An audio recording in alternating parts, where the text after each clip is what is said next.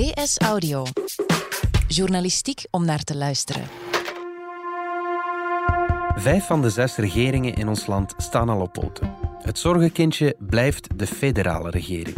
Meer dan vier maanden lang probeerde Johan van der Lanotte samen met Didier Reinders de knoop te ontwarren.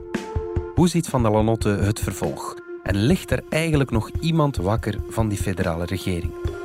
Het is vrijdag 11 oktober. Ik ben Alexander Lippenveld en van op de redactie van De Standaard is dit DS Audio.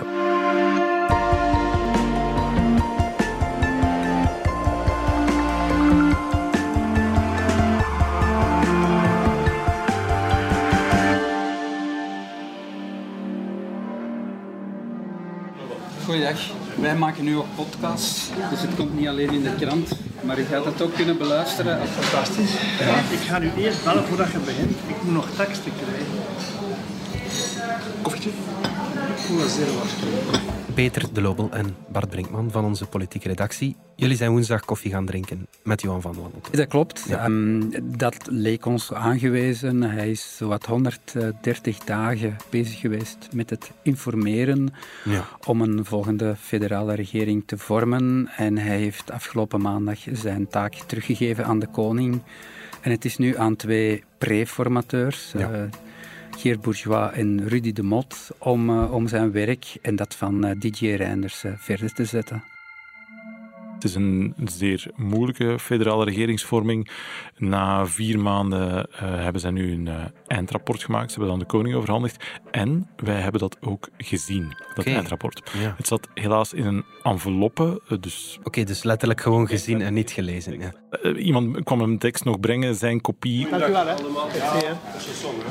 Nee, dat kan ze niet, hè. Omdat hij gisteren zijn versie eh, doorgegeven had aan de opvolgers Bourgeois en eh, de Mot. Voilà, kijk, ik heb nu mijn eigen tekst. Oké, dan zijn jullie misschien als enige van de pers die er zo dichtbij zaten. Veel schieten we daar niet mee op, maar bon, wij hebben het, het document bestaat en we hebben het gezien. Ja, oké. En het heeft een zekere dikte ook. Ja, Ja. ja. Ja, toch wel. Een geruststelling, die dikte, of niet? Maar het is, eh, denk ik, het vormt een bewijs dat hij gewerkt heeft. Ja. Tenzij het allemaal blanco pagina's waren, natuurlijk. En is dat dan zo belangrijk dat dat vertrouwelijk blijft, zo'n rapport? Wel, voorlopig is dat iets wat hij aan de koning heeft overhandigd. Dat, dat eindrapport nu op de enveloppe stond eh, dat het een enveloppe was van de kanselarij van de eerste minister. Dus daar zullen ze het ook wel hebben. Ik neem aan dat alle, alle voorzitters eh, die tekst ook wel hebben. Ja, en die voorzitters, dat zijn dan de voorzitters die nog aan het onderhandelen Oh, zijn. wel, wel, ja, ja, Ja, die bedoel ik inderdaad. de, de zes die nog eh meer rond de tafel zitten. Die zes, wie zijn dat ook alweer? Waar zitten we nu juist in die federale regeringsvorming? Wel, we zitten aan het begin van de preformatie. Eh, Daarbij is afgesproken dat de, de, de sleutelrol wordt eh, toebedeeld aan de NVA enerzijds en de PS anderzijds. Dat Ja. zie je ook aan de politieke kleur van de preformateurs. Geert Bourgeois van de NVA dus en Rudy de Mot van de PS, dat zijn ook de twee grootste partijen van de verkiezingen. Dat zijn de twee grootste partijen. Dus dat is logisch. dat, is, dat is inderdaad logisch. Ehm, eigenlijk moeten zij nu het echte werk verzetten. Ja. En moeten ze daarbij voortdurend terugkoppelen aan nog vier partijen die ook aan de tafel zitten. Dat is aan Vlaamse kant eh, Open VLD, de Liberalen, CD&V, Christen-Democraten en de SPA. Dat zijn de socialisten. Ja. En aan Franstalige kant is dat de MR, de Franstalige Liberalen. Goed, dat is de situatie vandaag. Zes partijen. Johan van der Lanotte heeft meer dan 130 dagen geprobeerd om het ijs te breken eigenlijk. Wat doet dat met een mens? Wel, hij zag er niet slecht uit, daar niet van. Maar eh, het, het is zijn ding niet, gaf hij ook toe. Voortdurend dat... het- eh, met de leeftijd is hij luier geworden. Ik ben iets luier dan vroeger. Ik heb eh, iets minder zin om iedere dag vroeg op te staan. S morgens vroeg opstaan is nooit zijn ding geweest en zal nooit zijn ding worden. Nee. Maar goed, eh hij heeft een hele zomer gewerkt. is geen vakantie of niks. Ik ben in eh, juli en augustus in Oostende niet geweest. Van der Lanotte ja, woont aan zee in Oostende. En hij zegt, ik heb deze zomer de zee amper gezien. Oké. Dus hij is, hij is druk bezig geweest. Ze hebben daar een, een eh, lijvig document gemaakt. Maar het was wel een pittige zomer geweest. Dus, dus er is die indruk die er was van, van er is op federaal vlak niks gebeurd. Ik denk dat wel duidelijk is dat, dat er het een en het ander toch gebeurd is en dat hij hard aan het, aan het werken geweest is. Ik ben 4 kilo verlaagd. 4 kilo. Vanaf het van de. Voor hem betekent het ook een sluitstuk. Dus zijn, uh, zijn nationale politieke carrière, die eigenlijk al gestopt was in januari, kreeg dan een soort verlengstuk. Hij speelde eigenlijk verlengingen van zijn eigen carrière. Dat is nu voorbij. En, en hij zag er, in die zin zag hij er wel een beetje opgelucht uit. En, en hij vertelde honderd uit, want hij vergat daarbij gewoon de tijd. Hij had een afspraak met, met Geert Bourgeois. Oei. Shit. Je hebt Geert Bourgeois laten wachten. En hij moet minstens een half uur te laat zijn gekomen, want hij was het compleet uit het oog verloren. Hij vertelde honderd uit, uh, zeggen jullie.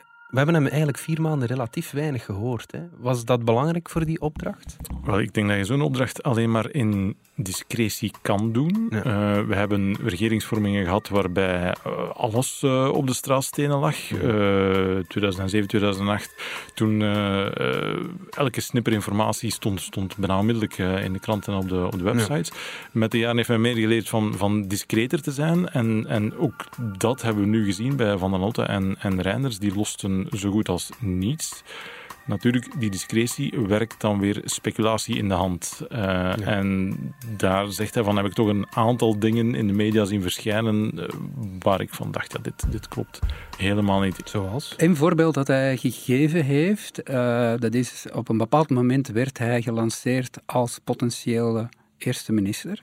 En dus het gerucht begon nogal sterk de ronde te doen dat ik zou e- proberen eerste minister worden of dat ik zou eerste minister moeten worden of dit of dat of ginder.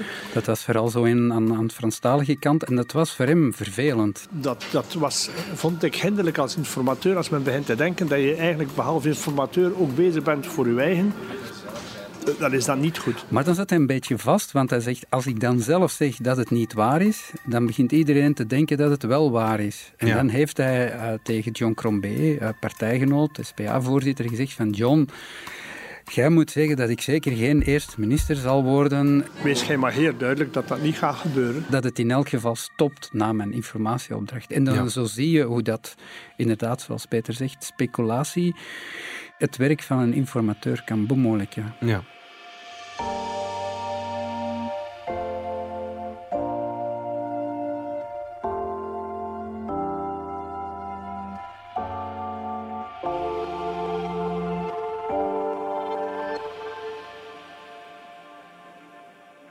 We zeggen al van bij het begin, het wordt heel moeilijk om een federale regering te vormen. Maar tegelijk is het ook vrij helder. Er is de verkiezingsuitslag, daar moet je mee aan de slag. En mathematisch is er eigenlijk niet zo heel veel mogelijk. Ja, mathematisch zijn er eigenlijk twee mogelijkheden. Je hebt ofwel paars-geel of je hebt paars-groen. Die hebben allebei een meerderheid in het parlement en die hebben zelfs een, een vrij grote meerderheid. Mm. Alleen heeft de informatieopdracht van Johan van der Lonotte en Didier Reinders uitgewezen dat er rond paarsgeel, hoe moeilijk dat ook mogen zijn, hè, namelijk PS en NVA moeten samen een coalitie vormen, dat er daar geen veto's zijn. Mhm. Dus iedereen wil dat op zijn minst onderzoeken. Dat is anders bij paarsgroen. En daar is de afgelopen weken duidelijk gebleken dat er een aantal veto's zijn, uh, zeker aan de Vlaamse kant, misschien ook aan de Franstalige kant, dat weten we niet. Met andere woorden, die optie valt voorlopig af. En hoe ziet Van der Lanotte dat zelf? Wel, hij heeft een heel duidelijke optie. Het moet paarsgeel worden. Paarsgeel betekent PS met de NVA samen, aangevuld met liberalen, uh, socialisten, Vlaamse socialisten en christendemocraten. Dat is heel helder. Ja. Zijn redenering is, dat zal heel moeilijk zijn, maar daar is geen enkel veto tegen. De PS was absoluut geen voorstander van met de NVA, dat weten we. En heeft hij formeel een veto? We willen er nooit mee klappen? Nee. Dat blijkt ook. En ze hebben hem ook aanvaard dat ze met hun twee samen zitten. Hè. Dat is al best. Dus is er een veto? Nee. Is er een grondige uh, argwaan en uh, van alles? Ja. Oké. Het alternatief is uh, paars-groen. Mm.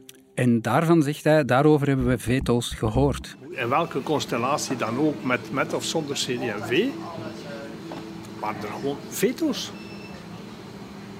Veto's waar men zei nee. Dus daar zijn nu al partijen die dat absoluut niet willen. Dat doen we niet. Dus ja, goed, dan kun je gaan, gaan fantaseren over het zal wel paars-groen worden, want PS en, en NVA kunnen met elkaar niet door één deur. Maar ergens is hij wel helder. Hij zegt van, Het zal inderdaad moeilijk worden. Maar het alternatief is waarschijnlijk even moeilijk, zo niet moeilijker. En er zijn al veto's tegen. Ja. Dus we gaan voor paarsgeel. Wij hebben alle mogelijke formules berekend en bekeken. Er was maar één waar je meerderheid had zonder de veto's en dat was dat. lastig punt daarin nog, in dat paarsgele, is dat wel de twee socialistische partijen, dus aan beide kanten, PS en, en SPA, die zeggen, we laten elkaar niet los, dus samen uit, samen thuis. En er zit nog een partij te veel aan tafel. Ja. Dus zuiver wiskundig gezien, om aan een meerderheid te geraken, kan er nog gerust één partij af. Je zit daar nu nog met zes partijen. Uiteindelijk zal het waarschijnlijk een coalitie van vijf partijen zijn, maar met vijf partijen kan je ook paarsgeel Ja. maken. Maar die keuze die zal er pas komen nadat PS en NVA verdere stappen hebben kunnen zetten met twee. Nadat zij verder een aantal dingen hebben kunnen uitklaren. En dan zal pas dat lastige moment komen dat je iemand eh, ja, aan de deur moet zetten. En wie wordt dat dan? Als je het bekijkt vanuit, vanuit de PS-kant, is het ofwel moet de NVA eraf, ofwel moet de VLD Ja, eraf. Zij, zij vinden er zitten te veel rechtse partijen in, in dit verhaal. En wiskundig zijn die niet allemaal nodig. Ja. Maar de socialisten, zeker aan de Franstalige kant, zijn er als de dood voor dat het beeld ontstaat dat zij de Zweedse coalitie zouden gaan depaneren. Ja. En als je kijkt naar, als je de twee socialistische partijen eraf haalt, dan heb je MR, NVA, CD&V, Open VLD, de Zweedse oorspronkelijke partijen. Zweedse coalitie, en dan aangevuld met die andere twee, SPA en PS. En zij willen dus niet de depaneurs zijn van Zweeds.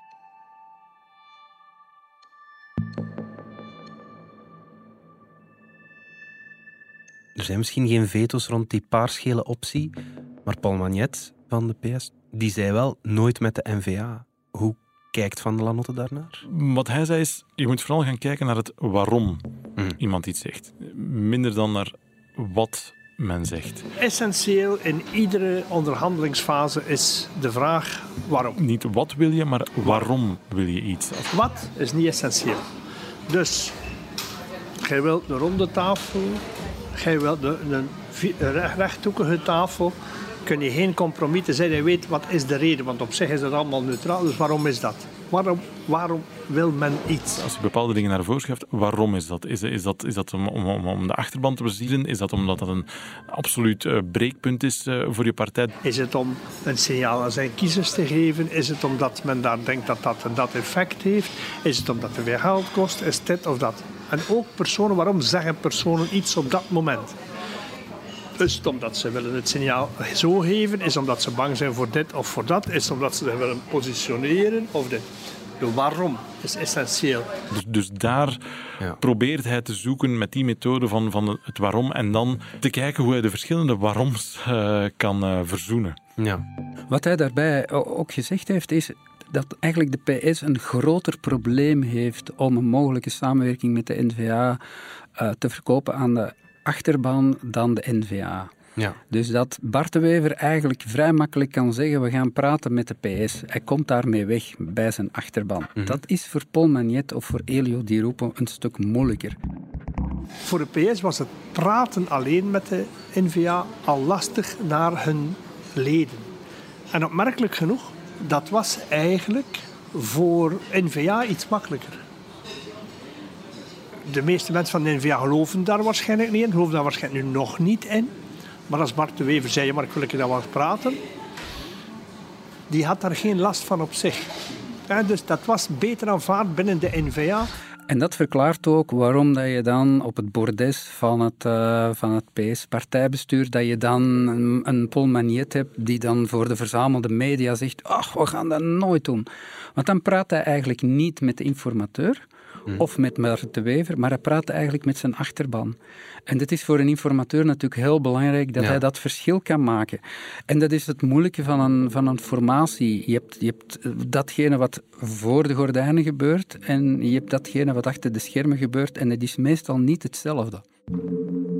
Waarom is dat voor Bart de Wever wel te verkopen aan zijn achterban? De PS is toch de baarlijke duivel in de ogen van de Wever? Ja, Als de NVA aan tafel komt met uh, hun grote confederale plan, ja. daar, daar kan je mee ten strijde trekken. Daar kan je mee zeggen van we moeten sowieso met die, met die Franstalige partijen gaan, gaan praten, want je kan niet op, op jezelf dat, dat confederalisme uh, regelen. Dus je moet wel het gesprek aangaan. Dat kan je verkopen aan de achterban van kijk, dit, we gaan we met proberen. spreken. Ja, daarom, we gaan Mhm. dat proberen.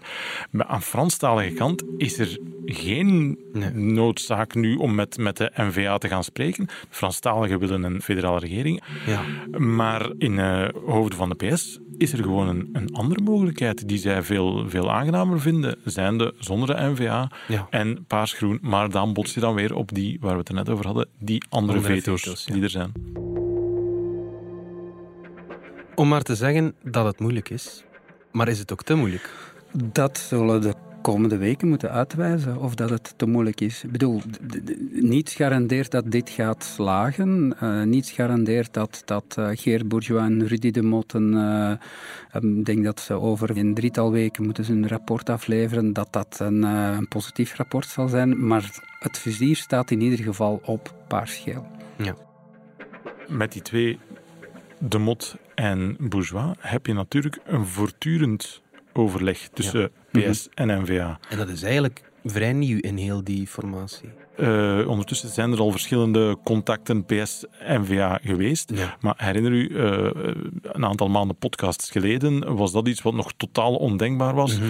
Dus daar zitten we nu al. En dat is natuurlijk ook het resultaat van de informateurs geweest. Hè, omdat zij op inhoudelijke thema's zijn gaan werken, aan de diverse partijen hebben gevraagd wat vinden jullie belangrijk.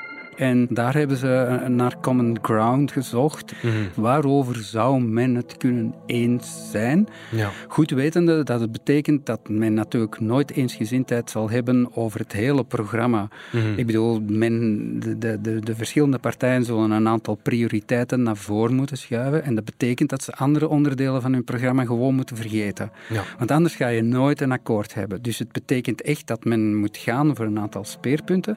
En that's it. En hopen dat je rond die speerpunten een akkoord kunt maken en dan kun je eigenlijk vertrekken.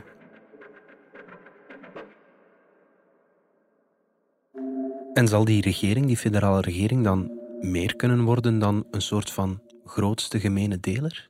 De regering moet naar een, een compromis gaan tussen, tussen die partijen. Hè. Maar, maar iets wat, wat Van der Noten wel aanstipte, is dat je door de steeds maar toenemende versnippering in het politieke landschap, Mhm. dat het ja, niet eenvoudiger wordt. Homogene regeringen gaan we niet meer hebben.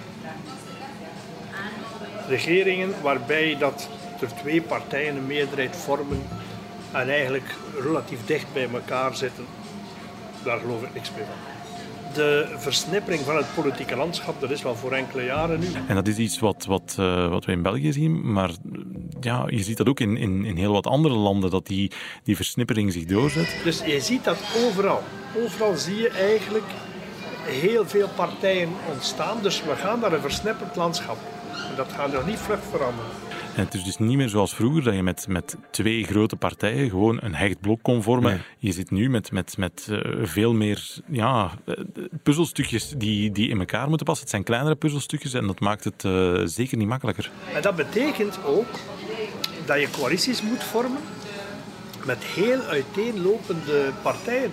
Hij verwees bijvoorbeeld naar Oostenrijk, ja. toch een, een, land met, met één duidelijk grote partij. Ook daar zie je dat men een compromis moet sluiten met een, met een andere partij en dat dat heel, heel moeilijk kan gaan. Spanje ja. net hetzelfde, daar is men er gewoon niet in geslaagd en heb je opnieuw verkiezingen met nog meer versnippering en dat soort dingen meer. Dus België is daar gewoon niet uniek in en we moeten ook ophouden om te denken dat je bijvoorbeeld, zoals vroeger met christendemocraten en socialisten, dat je er al bent of met liberalen of christendemocraten Nee, het is een ratje toe van partijen, in dit Hmm. geval zeker vijf. Ja. Dus in, in, in, in, een politiek landschap met heel veel verschillende partijen kun je niet anders of tegen natuurlijke coalities krijgen. En dan komt het erop aan dat je als partij zegt wat is prioriteit. Dat wil ik absoluut doen. En dat geef ik toe. En daar zal iedereen zijn prioriteiten in moeten stellen en zeggen dit en dit en dit willen we zeker binnenhalen. En iedereen zal ook grote stukken moeten laten vallen, want anders dan, anders dan kom je er gewoon niet. Mhm.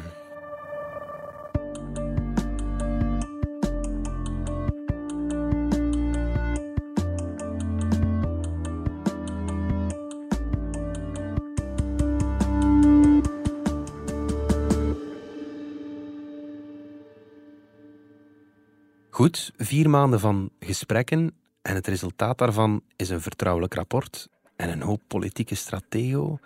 Dat lijkt relatief pover. Je zou de indruk kunnen krijgen dat niemand zich echt wil inzetten voor die federale regering. Het beeld van die federale regeringsvorming de voorbije vier maanden was niet goed. Je had voortdurend het gevoel van daar gebeurt niks. De laatste maanden is er ook weinig aandacht voor geweest voor die federale regeringsvorming. Al die verkiezingen vallen samen, dus al die regeringsvormingen vallen ook samen. En er is heel veel aandacht geweest voor de regionale regeringsvormingen. Uiteraard ook omdat, men, omdat de regionale formateurs gezegd hebben eerst gaan we dit doen, eerst gaan we een Vlaamse regering vormen, eerst gaan we een Waalse regering vormen en dan komt dat federale. Tel daarbij de discretie die nodig is bij zo'n federale informatieopdracht. Uh, Reinders en Van der Lotte die niet veel communiceerden, uh, die de partijen ook niet vaak samen rond de tafel brachten.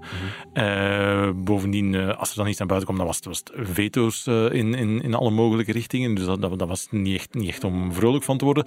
Terwijl dat er op dat, federaal, op dat regionale story dat er wel het een en ander bewoog. En ik denk dat daardoor ja, een beetje de... de de focus echt uh, verschoven is. Uh, iets wat je nu begint te, te merken, vind ik, ook aan, aan de Franstalige kant. Ja, dat er anders gesproken wordt over dat, over dat federale niveau. Het is niet meer zoals in 2010, 2011, dat het uh, een groot deel van het land volhing met, met Belgische vlaggen. Mm. nu wordt er ja, bijna al gesproken over la région font la force. Okay. In plaats van l'union fait la force. Ja. Um, dat, ja, het evenwicht wat aan het verschuiven is naar die regio's, dat het daar blijkbaar meer om draait dan, dan wat er federaal gebeurt. Komt dat eigenlijk ook doordat we het zo gewoon worden dat we in lopende zaken zitten? Dat is voor een stuk zo. Ik bedoel, Johan van der Lonotte vertelde het zelf. De afgelopen tien jaar, als we zo beginnen bij 2010, dan zowat een derde van de tijd heeft de regering in lopende zaken gezeten. Op tien jaar tijd denk ik dat we meer dan drie jaar lopende zaken hebben. Dat is niet te geloven, hè? We zitten nu terug al bijna één jaar in lopende zaken. Ja.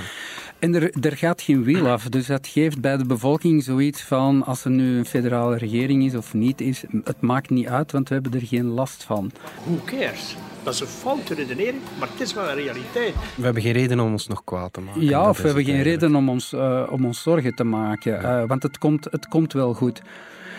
Mm, tegelijkertijd uh, vertelt Johan van der Lonotte ook dat hij toch wel een bereidheid ziet bij de diverse partijen die nu nog meedoen om wel degelijk een federale regering te maken. Ik heb altijd de indruk gehad dat de partijen die aan tafel kwamen effectief in een federale regering wilden komen. Dat heb ik heel duidelijk gevoeld. Ja. Van alle 16 partijen is er een bereidheid en bij sommigen ook een duidelijke wil om daarin te komen. Bij de meesten zelfs een duidelijke wil. Ja, dat, is, en dat was opvallend. Ja. Er zit daar geen enkele partij bij die, die erop uit is om, om, om stokken in de wielen te steken. Of die denkt van, goh, dat federale niveau is niet meer belangrijk. Dat is niet zo. Dus men is zich ook wel bewust van het feit dat er een regering moet komen. En men weet ook wel van, nu wordt het tijd om eraan te werken. Mm-hmm. De voorbije maanden, als Van der Lotte en Reinders dan uh, communiceerden, uh, haalden ze nogal eens een, een, een, ja, een treffend beeld uh, boven. Herinner u tien jaar geleden, toen sprak hij van je kan een, een paard naar het water leiden, ja. maar uh, je kan het niet verplichten om, om te drinken. Een van de oudste Engelse spreekwoorden zegt You can lead a horse to water, but you can't make it drink. Je kunt een paard naar het water brengen, je kunt het niet verplichten te drinken. Dat vat goed de grenzen van iedere bemiddelingsopdracht samen. Maar toen we hem dan vroegen of hij de indruk had van nu aan een dood paard uh, te liggen trekken, toen zei hij nee, van nee, dat is uh, echt niet het geval. En zoals Bart zei inderdaad, van al die partijen hebben te kennen gegeven dat ze wel uh, deel willen uitmaken van een, een, federale regering. Denkt Van der Lanotte eigenlijk dat ons land over pakweg 20 jaar nog bestaat? Johan van der Lotte vindt vooral dat je heel voorzichtig moet zijn met voorspellingen op de lange termijn. Ja. Uh, en hij gaf daarbij een heel mooi voorbeeld. Als men in 1914 aan de keizer van Pruisen en de tsaar van Rusland in een gemeenschappelijk theemoment, wat ze hadden. Hè. Als men hen gevraagd hebt, geef een keer uw toekomstperspectief binnen 20 jaar. Die gingen van alles gezegd hebben, behalve dat de ene onthoofd was en de andere in Nederland moest vluchten. Dat ze niet meer bestonden, met andere woorden. Wij voorspellen de toekomst op basis van een extrapolatie van het verleden. Ik denk niet dat dat juist is. Er zijn breuklijnen in de geschiedenis. Met andere woorden, het is heel moeilijk om, om, om vooruit te kijken. Wat wel zo is, uh, Johan van der Lonotte heeft, uh, denk ik, acht jaar geleden heeft hij een plan uitgetekend over de organisatie van België. Dat was eigenlijk op basis van vier regio's, Vlaanderen, Brussel, Wallonië en de Duitsstalige gemeenschap, die dan een regio zou worden. Ja. En hij vindt wel dat het in die richting gaat. Op dit moment is het allemaal veel te ingewikkeld geworden. Dus er, moet wel, er moeten wel stappen worden gezet, maar welke stappen dat, dat zullen worden, dat is ongelooflijk moeilijk te voorspellen. Ja. Goed, Bart Brinkman, Peter de Lobel, dank jullie wel. Graag, graag gedaan. Dit was DS Audio. Wil je reageren? Dat kan via dsaudio.standaard.be. En dan nog deze noot van de redactie. Johan van der Lanotte liet ons na het interview nog weten dat het tsaar van Rusland niet onthoofd werd, maar doodgeschoten. Dat is bij deze gecorrigeerd. In deze aflevering hoorde je Peter de Lovel, Bart Brinkman en mezelf, Alexander Lippenveld. De redactie gebeurde door Fien Dille, Joris van Damme, Lise Bonduel en Nele Eekhout. De eindredactie door Wouter van Driessen. Joris van Damme en Pieter Schreves deden de audioproductie. Brecht Plasgaard schreef de muziek die je hoorde in deze podcast. Chef audio is Wouter van Driessen. De extra audiofragmenten die je hoorde komen van Belga en het VRT-archief. Het interview met Johan van der Lanotte kun je dit weekend in de krant lezen. Vond je deze podcast interessant? Weet dan dat je er elke werkdag in kunt beluisteren. Dat kan via de DS Nieuws app of via standaard.be-audio. Je kunt je ook abonneren via iTunes, Spotify of de podcast-app van je keuze. En als je daar dan toch bent, schrijf gerust een review, zo toon je ook anderen de weg.